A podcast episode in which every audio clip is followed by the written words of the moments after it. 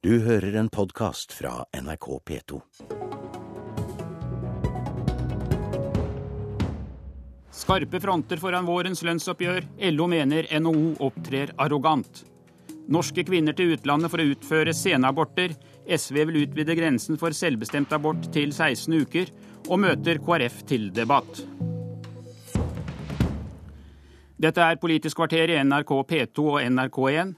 God morgen, jeg heter Per Arne Bjerke. I går ettermiddag kom LO med sine krav foran vårens lønnsoppgjør, som begynner 10. mars. Et viktig krav er at arbeidstakerne skal få bedre styring med pensjonspengene. Hva mener dere med dette, Stein Regaard, du leder samfunnspolitisk avdeling i LO? La meg først si at Vi har ikke tradisjon for å forhandle så mye på forhånd. og Nå er det som du sier, andre enn LO og NHO som skal være hovedaktørene framover i oppgjøret, nemlig Fellesforbundet og motparten på NHO. Men Dere er vel ikke så veldig uenige kanskje innad i LO? Men uh, vi kan si noe om, om, bakgrunnen. og da er det sånn at Dette er først og fremst et institusjonelt krav. Det er ikke et økonomisk krav. Eh, det, dreier seg om å organisere pensjonssystemet på en bedre måte. I Norge er det underutviklet, fordi at hver enkelt lille pølsebu må ha sin egen pensjonsordning. Altså Hver bedrift må ha én pensjonsordning, og hvis en arbeidstaker skifter jobb, så må han inn i en ny pensjonsordning. Det er et system man ikke har i, i nærstående land, og det er kanskje det svakeste punktet i vårt velferdssystem. Og det er dyrt å drive. Det hindrer at kvinner og menn får lik pensjonsordning dekning. Eh, og det er ineffektivt på, på mange måter. Og, og for Hvis du skulle snakke økonomi her, så er det sånn at bedriftene nå sparer mye penger på de omleggingene som foregår. Så fra vårt synspunkt, er det, hvis det er økonomi, så er det mer å få kontroll på den omdanningen som nå kan skje, helt uten uh, arbeidstakernes uh, medvirkning. De, de kan miste pensjonen sin uten å ha et uh, ord med i laget. Svein Oppegård, direktør for arbeidslivspolitikk i NHO. Hvorfor er dere uenig i at arbeidstakerne skal få mer kontroll med de pengene som de jo har innbetalt til sin egen pensjon? Aller først vil jeg si at eh, Her forsøker jo LO å tåkelegge realitetene. Eh, dette er et økonomisk krav. Selvfølgelig er det det. Eh, vi vet at norsk kostnadsnivå er veldig høyt. Vi vet at lønnsoppgjøret her har en rekke andre økonomiske krav enn pensjon, så vi ser dette i sammenheng. De ønsker en pensjonsordning med to tredjedeler av sluttlønn ved fylte 67 år. Det er et betydelig økonomisk krav, og det er tåkelegging når man forsøker å gi inntrykk av at dette ikke koster noen verdens ting. LO forsøker å oppheve de politiske og eh, de, tyngdelovene, de økonomiske tyngdelovene, og det går bare ikke an å gjøre. Vi er veldig tydelige på at de hensynene som LO peker på, er veldig mye drevet av at de ønsker å få hånd om pensjonspengene, ønsker å forvalte de på sin måte. Det er det reelle kravet, i tillegg til at det selvfølgelig skal gi bedre pensjon. Derfor er vi grunnleggende uenige med LO, både om tariffesting og den innretningen de har valgt. Er det tåkelegging dere driver med, Regård? Nei, dette er jo veldig godt beskrevet i offentlige utredninger, hvor også NHO har vært med. Det koster det er, penger? Det en, nei, altså det som innfrielse av våre primære krav koster ikke penger. Det dreier seg om institusjonelle forhold og om hvem som skal styre det som jo egentlig er eh, arbeidstakernes eiendom. Og det, det er ganske eiendommelig at uh, NHO ikke er litt mer åpen for å diskutere hvordan dette systemet i dag virker. Det er helt ulikt det vi har i Sverige, Danmark, Finland, Island. Uh, og, og man får veldig lite pensjon for pengene. De som har størst glede av det systemet vi nå har, det er forsikringsbransjen. Og Det er også derfor de er så aktive i å støtte NHO i å bevare dagens system. Men dette er egentlig mot bedriftenes interesser. Men så er det selvfølgelig, som Oppegård sier, at det er jo en diskusjon om hvor hva innskuddene og premiene i disse ordningene skal være. Men eh, kravet går ikke på det. Men det er helt feil det Rego sier, fordi vi leser hva som LO har vedtatt i går. Og der står det at målet er å få to tredjedeler av sluttlønn ved 67 år. Det er et betydelig økonomisk krav. Det klarer man ikke å bortforklare. Ja, det, har ingenting med årets oppgjør å gjøre. Det er en beskrivelse av dagens ordning. Og hvor det til og med står eh, Svein Oppegård, at i dagens system så er det sånn at mange har høy, mye høyere dekning enn det. Så den problemstillingen er ikke prekær i det hele tatt. Det, det er i tilfelle en diskusjon for hvilke kostnader og hvilke ytelser som skal være langt inn i framtida. Nå er det snakk om å ta hånd om organisere systemet på en mindre dum måte enn det som gjøres i dag, til, som er til skade både for bedriftene og de ansatte ansatte. Og det hindrer altså ja. likepensjon. Altså, det systemet det gjør det helt umulig å sikre kvinner og menn lik, lik pensjonsdekning. Med mindre det skal betales mye mer i premie for kvinner enn for menn. For oppgård, for Det er jo da store kjønnsforskjeller når det gjelder pensjonene. Kvinner kommer grovt sett dårligere ut. og Hvorfor er det ikke viktig å rette opp dette også for NHO? Nei, men bare først å kommentere til Regård. Det er naivt å tro at vi ikke forstår at dette er et økonomisk krav. Det er mulig at man ikke har tenkt å legge penger i ordningen ved oppgjøret i 2014, men har du først konstruert en modell med en målsetting om to tredjedeler av sluttlønn ved 67 år, så er det selvfølgelig et økonomisk krav. Det er dumt å prøve å ja. gi inntrykk av noe annet. Men til det spørsmålet om eh, likebehandling. I dag har 80% av arbeidstakerne i privat sektor de har en innskuddsbasert pensjonsordning den er helt kjønnsnøytral. Det er ikke forskjell verken på innskudd eller på pensjon når det gjelder kvinner og menn. Ordning, disse ordningene er normalt utbetalt over ti år. Da har du en problemstilling, for kvinner lever noe lenger enn menn. Og da vil det være en periode hvor man ikke får tjenestepensjon. Men man får altså folketrygd og OTP og AFP de er pensjoner livet ut. Det er tjenestepensjon som har en tidsbegrensning. Ønsker man den livet ut, helt greit. Da blir det noe mer tynnere fordelt utover. Og det er en, det er en pussighet at LO fremstiller det å leve lenger som kvinne som en ulempe. Gregor. Ja, det er jo problemer å leve lenge uten penger. Og OTP-ordningen ja, Men du har jo alle jo, andre ordninger. I OTP-ordningen er det jo sånn at, og som du omtalte, den opphører etter ti år.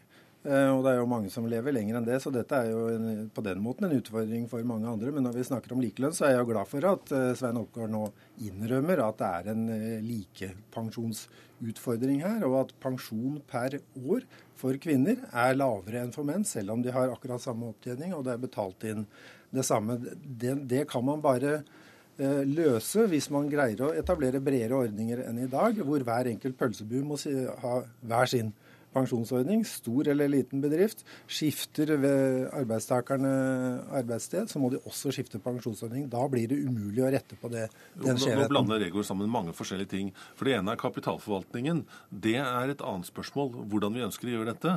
Eh, og Jeg tror ikke at det er klokt å la partene, at Regård og jeg skal være de som forvalter pengene. Vi er helt sikre på at et marked der flere tilbydere kan levere pensjonsordningene, vil gi bedre pensjon for alle.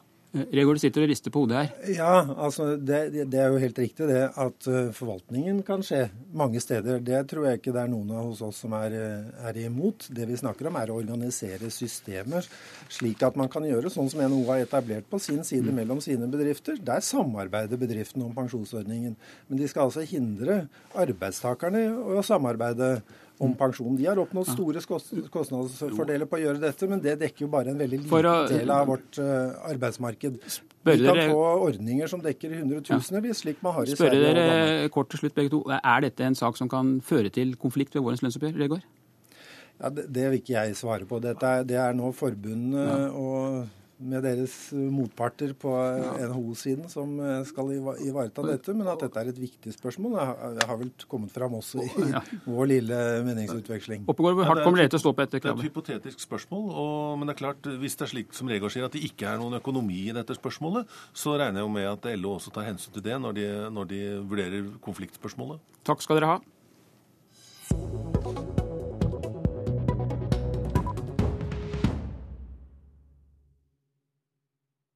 I Dagsrevyen i går hørte vi at norske kvinner reiser til Sverige og England for å få utført abort etter tolvte svangerskapsuke. I Norge er grensen for selvbestemt abort eh, uke tolv, men du mener grensen bør utvides til 16 uker. Stortingsrepresentant Karin Andersen fra SV, hvorfor det? Ja, for det første så er det mulig å kunne få abort i Norge på sosiale årsaker. Altså at du f.eks. ikke har oppdaga at du er gravid, og at det er akkurat de samme grunnene som gjelder når du har sjølbestemt abort før tolvte uke. Og så er det sånn at uh, det er nemnder i de ulike delene av landet som uh, du må, da må søke til. Og det er litt ulik praksis mellom dem. Og noe av det som var sånn nemndbehandling, ulik praksis, og at liksom, det var noen andre som skulle bestemme om du så deg i stand til å bli mor eller ikke, det var jo det vi ønska å fjerne når vi fikk på plass sjølbestemt abort på 70-tallet, da jeg òg var med på dette. Og nesten alle som søker, får. Eh, så derfor så mener vi at det hadde vært logisk eh, at eh, man hadde hatt den samme sjølbestemmelsen fram til 16 uker. Olav Bollestad, stortingsrepresentant for Kristelig Folkeparti og med meg fra studio i Stavanger. Hvorfor kan vi ikke utvide grensen til 16 uker når vi ser at en del norske kvinner velger å dra utenlands for å få utført inngrepet? Først så har jeg lyst til å si at det er vanskelige valg for kvinnene. Det er jeg ikke i tvil om. Men eh, vi har hatt mange sånne etiske spørsmål de siste månedene. Vi har spurt oss om når skal grensa være absolutt for abort, fordi jordmødre sier at på ene rommet så redder de, og på andre rommet så skal de ikke gjøre noe. Vi har òg hatt dette med flerlingfoster, hvor en vil ha en reduksjon av det, og nå til 16 uker. Og vi som samfunn, tenker jeg, må virkelig spørre og ta inn over oss hva slags samfunn er det egentlig vi ønsker oss. England de har 25 uker, og jeg hørte Karin sa i går at, at eh, det var på sosiale grunner, eh, og at det, det, skulle være forenlig med livet, sånn at hun ville ikke gå lenger enn 16 uker. Men og Sverige har 18 uker. Og jeg tenker vi begynner i feil ende. Vi må legge til rette for sosialt Hvis det er sosiale grunner for at kvinner tar abort, og vi har 15 000 aborter i vårt land, så bor vi i et rikt land. Vi har mulighet til å legge til rette for sosiale grunner. Og så er de som har reist til utlandet, de har fått avslag på sosiale grunner. Og de har i tillegg fått avslag på at det er ikke medisinske nok grunner. Og da spør jeg hva slags samfunn legger vi da opp til hvis vi åpner opp når det ikke er medisinske grunner? Legger vi da opp til sortering? Når en lege forteller at det, det er leppe-ganespalte som kan være en grunn, så spør jeg hva samfunn vil vi da ha? Og det er det jeg er opptatt av. Ja, nå, Karin Andersen, det skal du få svare på. Hva slags samfunn er det vi ønsker? Er det sorteringssamfunnet dere legger opp til? Nei, overhodet ikke. Og dette handler om at uh, de sosiale grunnene er det bare den som er gravid som kan avgjøre. Det er ikke sånn sånn at en lege vet om en kvinne ser seg i stand til å være mor eller ikke. Og jeg er helt enig med Bollestad i at det er utrolig viktig at vi nå legger til rette slik at alle som ønsker å bære fram et barn, kan det. Og det bør vi gjøre helt uavhengig av denne debatten her. Og det er det man må begynne med. For det er ikke noe tvil om at det er vanskelig for mange å, å bære fram barn. Og det er en del som blir uønska gravide, og som ikke oppdager det før de er eh, over tolv uker. Det hender også kanskje at den som eh, du var eh, samboer med, eller kjæreste med, eller gift med, hva vet jeg, ikke syns at dette var så greit som du trodde det var, og at det kommer for en dag, også litt for seint. Så det er, mange, det er mange sider av denne saken. Det jeg syns er trist, er at KrF liksom har tatt monopol på begrepet etikk og moral her. Vi veit hvordan det eh, er i de landene som har veldig strenge abortlover. Der er det forferdelig mye eh, ulovlig, medisinsk utrygge aborter. Mm. Det er farlig. Og at det å skulle ha nemnder som skal være moralske voktere for kvinners bestemmelse om du har lyst til å være mor eller ikke, det er en situasjon vi bør ha lagt bak oss. Bollestad, er det ikke et eh, problem når kvinnene da likevel reiser til utlandet for, for å få utført abort? Ja, men jeg tror mange av disse reiser til utlandet fordi vi har ikke gode nok pakkeløsninger på hva er det du faktisk går mot. Eh, vi er ikke flinke nok til å fortelle hva er det som er planen framover hvis du får et barn. Ta eksempelet, selv om jeg vet det er et spesielt eksempel, men med leppegarnespalter. Hva vet mor da? Hva er det vi legger opp til? Vi har gode pasientforløp på folk som er født og voksne, men vi har ikke gode pasientforløp. Så viser mora den veien du skal ta. Men, men jeg, jeg tror, tror, nå, Bollestad, at nå setter du deg til doms over noen avgjørelser som noen kvinner har tatt, på et grunnlag som du ikke har og ikke vet noe om. Du tror at det er dette som har spilt en rolle. Det er du ikke sikker på, og det syns jeg du skal være forsiktig med å gjøre. Bollestad. Jeg setter meg ikke doms over noen, jeg bare spør hva samfunn vil vi ha. Og jeg tror faktisk at vi taper på å utvide grensa. Jeg tror vi vinner på å legge til rette for at kvinnene faktisk skal slippe å ta så vanskelige valg. Og så tror jeg at de valgene må tas i samarbeid med en lege som faktisk kan være med og gi deg et, et råd og et vink. Takk, takk. Der må jeg si takk til dere, Karin Andersen og Olav Bollestad. Og dette var Politisk kvarter med Per Arne Bjerke. Du har hørt en podkast fra NRK P2.